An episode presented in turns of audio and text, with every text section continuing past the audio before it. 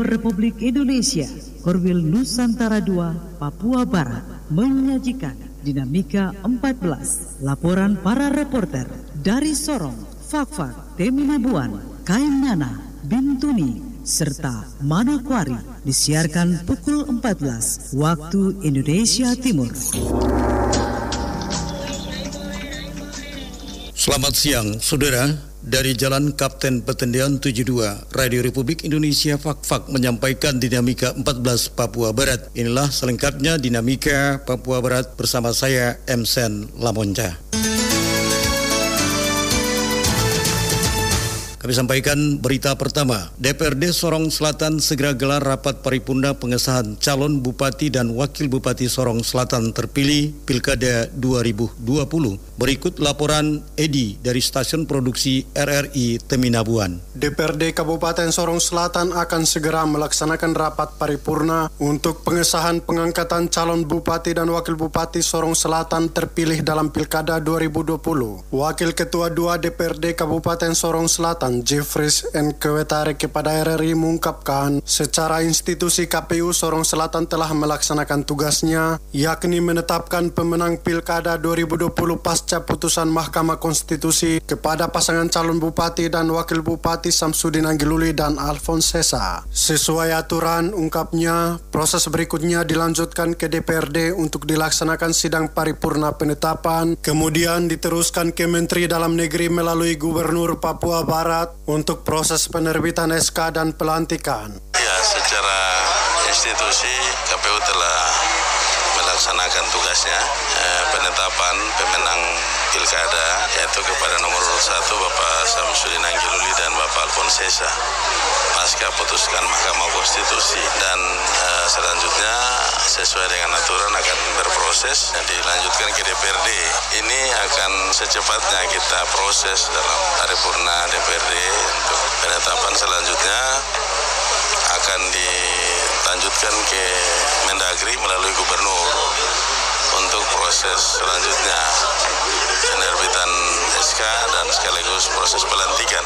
Ya kami harapkan tidak terlalu lama, jadi mungkin itu merupakan tugas yang harus kita laksanakan dan nanti saya berkoordinasi supaya proses ini bisa kita lakukan. Jeffrey Skewetare juga mengungkapkan Hasil dari proses demokrasi yang telah berjalan merupakan pilihan masyarakat. Untuk itu diharapkan agar tidak ada lagi perbedaan di tengah masyarakat dan secara institusi DPR akan lebih bersinergi lagi dalam membangun Kabupaten Sorong Selatan ke depan. Dari SPT Menabuan, Sorong Selatan, Papua Barat, Edi melaporkan. BPJS Ketenagakerjaan Cabang Fakfak kembali memberikan santunan jaminan kematian berupa uang tunai sebesar 42 juta rupiah kepada ahli waris almarhum Lahasimu dan almarhum Hasna Finbai. Badan Penyelenggara Jaminan Sosial BPJS Ketenagakerjaan Cabang Fakfak kembali menunjukkan profesionalisme dalam tugas dan fungsinya dalam melindungi pekerjaan. Salah satu program yakni program jaminan kematian telah diberikan santunan kepada ahli waris almarhum Lahasimu dan Hasna Fimbai sebesar 42 juta rupiah di ruang Kepala Dinas Transmigrasi dan Tenaga Kerja Kabupaten Fakfak. Kepala BPJS Ketenagakerjaan Cabang Fakfak Carlos P. Singalinggi menjelaskan almarhum Lahasimu dan Hasna Fimbai yang mendapatkan santunan tersebut merupakan salah satu penerima bantuan tangan kasih yang diselenggarakan oleh pemerintah Provinsi Papua Barat pada beberapa waktu yang lalu.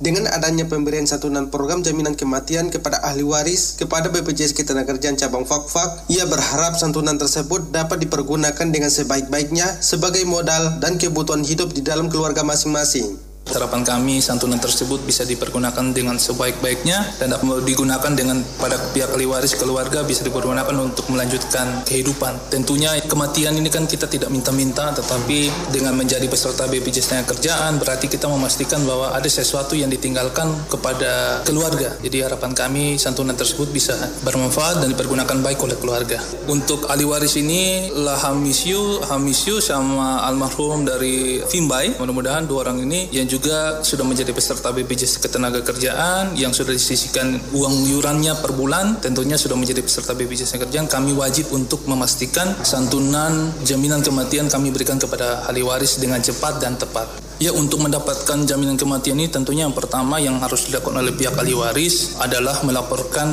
informasi bahwa terjadi meninggal kepada keluarganya atau kepada peserta yang mengalami meninggal di kantor BPJS Kerjaan. Selanjutnya BPJS Kerjaan kami akan membantu pihak ahli waris keluarga apa yang harus dilakukan dilengkapi dokumen. Contohnya yang pertama surat keterangan ahli waris, kemudian kedua surat keterangan kematian, kemudian yang ketiga fotokopi KTP si ahli waris dan juga fotokopi KTP-nya almarhum. Kemudian fotokopi buku rekening bank karena nanti santunannya kami langsung transfer ke rekening pihak ahli waris. Ia menambahkan syarat-syarat untuk mendapatkan klaim santunan jaminan kematian seperti yang didapatkan oleh ahli waris almarhum Lahasimu dan Hasna Fimbai, masyarakat harus terdaftar aktif sebagai anggota BPJS Ketenagakerjaan, tertib dalam membayar iuran BPJS Ketenagakerjaan, serta penerima bantuan atau ahli waris harus menyiapkan berbagai dokumen klaim menyikapi pemberian santunan JKM yang telah diberikan oleh BPJS Ketenagakerjaan Cabang Fakfak, Wabani selaku istri dari ahli waris dari almarhum Lahasimu merasa bersyukur atas adanya pemberian santunan yang diberikan oleh BPJS Ketenagakerjaan Cabang Fakfak. Sebab santunan yang diberikan tersebut dapat dipergunakan untuk kebutuhan anak-anaknya yang masih bersekolah.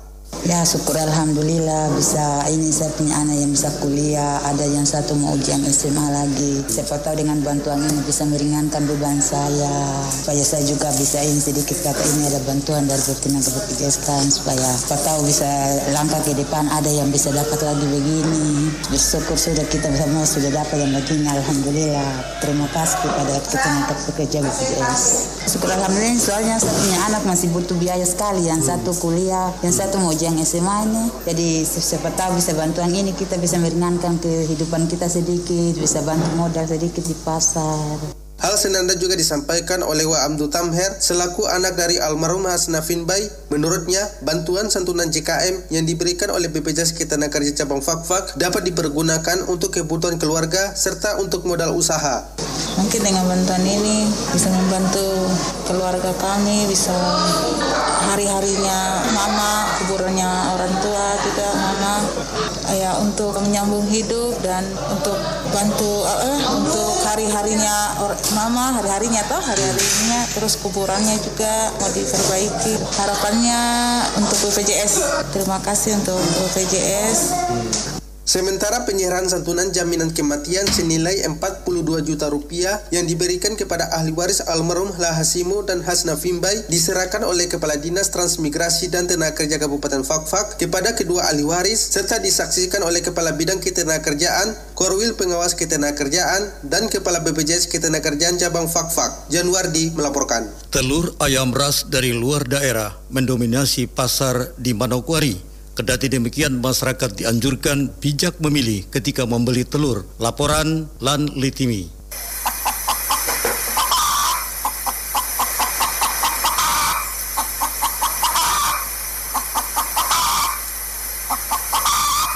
Telur ayam ras dari luar Manokwari saat ini mendominasi pasaran di Manokwari. Hal ini berimbas pada harga telur ayam ras di pasar yang sebelumnya 55 sampai 60 ribu per rak menjadi 50 sampai dengan 55 ribu per raknya. Sementara peternak telur lokal menjerit akibat harga telur di pasar turun sedangkan harga telur ayam lokal tetap pada kisaran 60 sampai dengan 65 ribu per raknya. Terkait dengan harga itu, Kepala Bidang Perdagangan Dinas Perindustrian Perdagangan Koperasi Usaha Kecil dan Menengah Kabupaten Manokwari, Franky Saiba mengatakan pihaknya akan mengeluarkan pembatasan harga dan pembatasan jumlah pasokan telur di pasaran berdasarkan ketentuan dan aturan yang berlaku sehingga tidak merugikan para peternak telur lokal. Jadi memang yang sering kita temukan di eh, pasar seperti itu. Sering pedagang telur lokal mereka selalu mengeluh. Jadi ini ke depan nanti kami dari dinas kami keluarkan semacam head harga itu pun nanti kita lihat dari ketentuan dari Kementerian Perdagangan. Kita lihat dia punya aturan-aturan sehingga eh, tidak merugikan pihak dari pedagang telur lokal. Karena kasihan selama ini kan mereka mengeluh masalah mereka punya telur lokal, masalah persaingan di pasar ini. Jadi ke depan kami akan melihat kembali dari Dinas Perindak melihat kembali untuk eh, masalah harga ini. Selain itu, Franky Saiba mengaku saat ini peternak telur lokal belum dapat memenuhi kebutuhan telur untuk masyarakat di daerah ini. Hal senada disampaikan Kepala Bidang Peternakan Dinas Pertanian dan Peternakan Kabupaten Manokwari Nixon Karubaba. Kendati demikian, Nixon Karubaba mengatakan Kendati demikian, Nixon Karubaba mengatakan telur lokal sangat layak dikonsumsi dibanding telur pasokan dari luar daerah sebab dari sisi kualitas telur ayam lokal lebih berkualitas. Telur ayam yang dari luar masa penyimpanannya memakan waktu lama sedangkan batas waktu penyimpanan telur hanya sampai 21 hari saja. Secara kualitas telur lokal lebih berkualitas dari sisi lama penyimpanan karena rata-rata telur dari luar Manokwari itu dalam proses dari pengumpulan di perusahaan pabrik sampai pengiriman sampai tiba di Manokwari itu membutuhkan waktu 12 sampai 14 hari. Paling cepat itu 10 hari, 14 hari apalagi sekarang cuaca buruk. Berarti itu bisa 14 bahkan lebih. Ketika datang sampai di Manokwari sudah 14 hari, berarti masa jual adalah telur secara kualitas tinggal 7 hari karena kualitas telur itu 21 hari. Itu berkualitas. Kuning telur itu masih bulat, bagus, belum encer. Selebih dari 21 hari itu maka kuning telur itu sudah jadi hancur dan akhirnya berakibat pada kerusakan telur. Sementara kalau telur lokal berarti kita beli telur baru saja ayam baru saja bertelur. Jadi kualitas masa simpan masih cukup panjang. Jadi secara kualitas telur kita harusnya memilih telur telur lokal.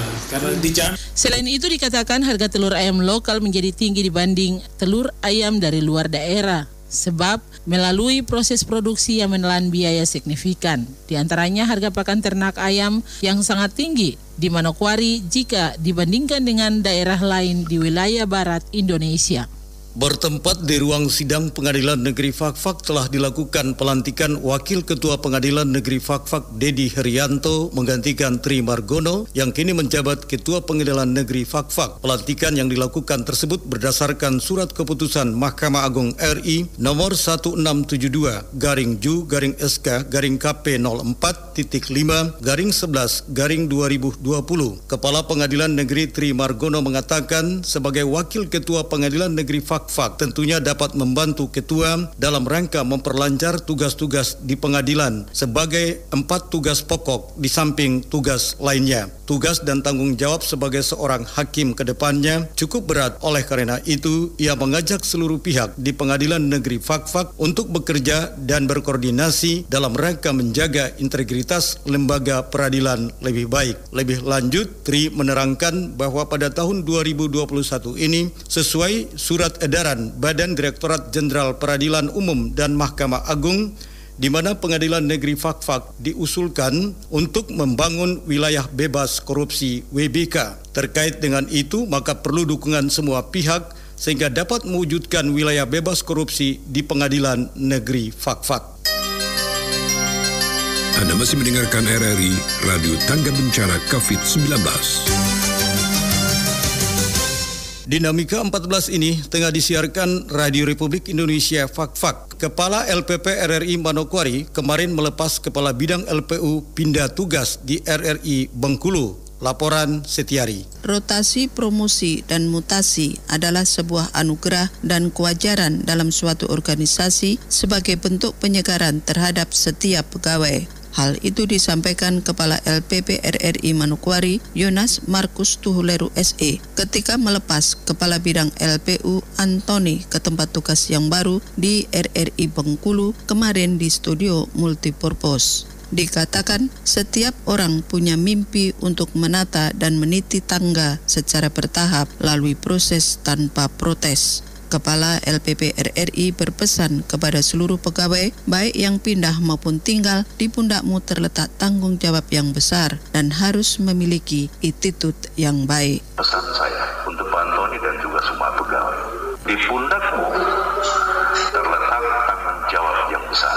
Attitude kita harus baik. Sudah waktunya kita bangkit, membuktikan kepada seluruh angkasawan-angkasawati RRI se-Indonesia bahwa tanah Papua bukan lagi tertinggal. Kami pegawai RRI Papua mampu bersama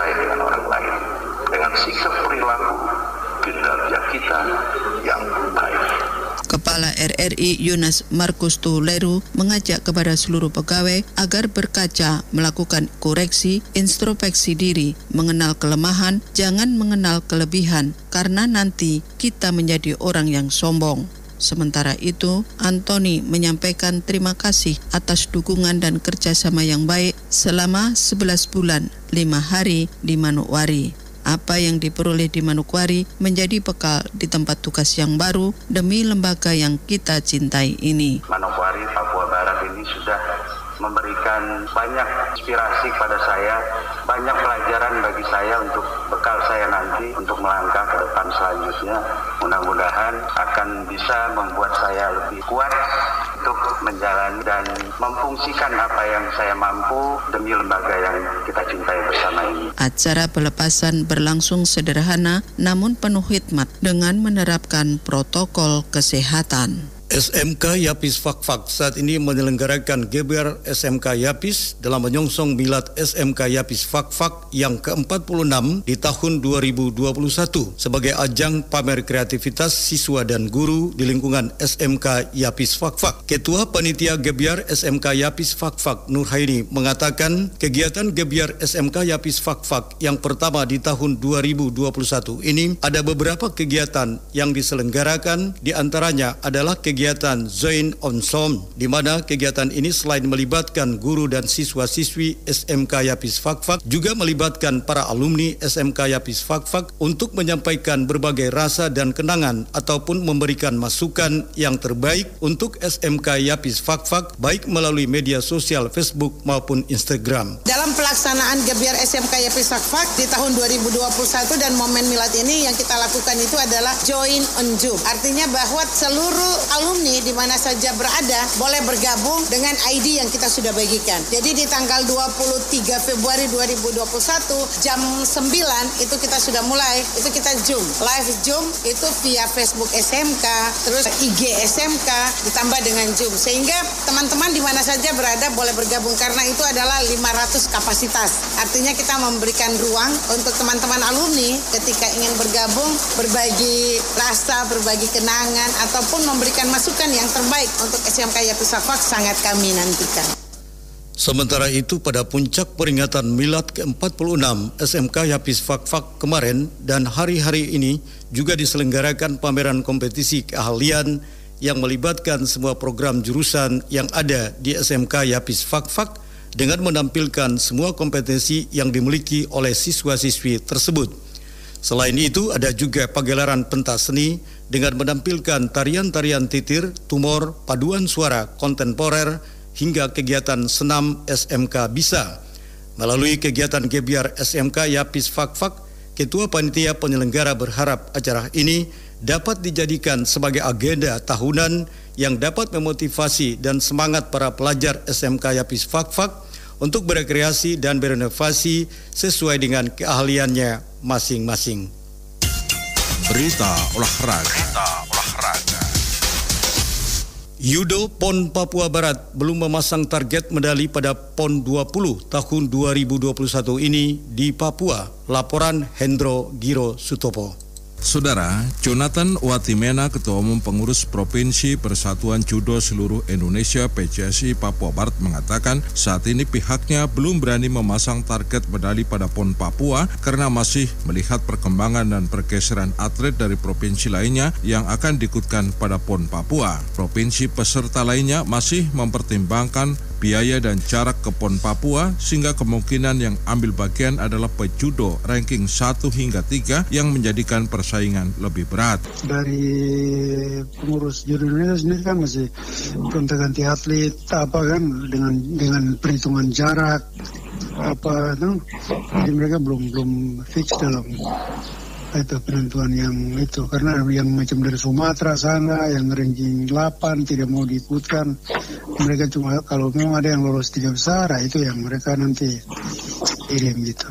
Hmm. ya satu dua tiga yang dikirim. Kalau memang di atas itu ya mereka perhitungan biaya dengan apa apa eh, perhitungan medalinya. Walau demikian, John Watimena tetap menggenjot latihan tiga pejudonya secara rutin dan maksimal di Sorong serta ke depannya akan di outkan ke Kerawang atau Jawa serta kemungkinan ke Thailand di masa Puslada Pon Koni Papua Barat guna menambah pengalaman atau jam terbang juga evaluasi agar dapat tampil maksimal di Pon Papua disebut Ketua Umum PCSI yang juga pelatih judo PON Papua Barat, tiga pejudonya telah tuntas menjalani medical check up dan juga tes VO2 max dari tim Monef KONI Papua Barat. Di bagian lainnya, John Watimena berharap KONI Papua Barat tetap memberikan pelayanan seperti yang sudah dilakukan sehingga prestasi dapat tercapai. Harapan kami ya, apa yang KONI buat untuk cabur-cabur lain ya meratalah dengan dengan kita di uh, cabang olahraga juga supaya pelayanannya itu merata gitu. Jadi istilahnya kalau anggur pupuk ya semualah kena atau jadi bertemu subur dan kita akan mendapatkan hasil yang baik gitu. Antara uh, pemas pemasukan dan pengeluaran tuh harus harus imbang lah dong berapa kalori yang dikeluarkan berapa yang harus dimasukkan untuk penggantinya supaya ada peningkatan kondisi fisik maupun dengan mengarah ke prestasi itu bisa kita berharap yang lebih gitu. Tiga pejudo PON Papua Barat yakni Franklin Kakalan kelas 100 kg putra, Fani Mailoa kelas 78 kg plus putri, dan Rifki kelas 73 kg putra. Berita olahraga. Berita olahraga. Demikian dinamika 14 hari ini. Laporan aktual para reporter seprovinsi Papua Barat. Sampai jumpa.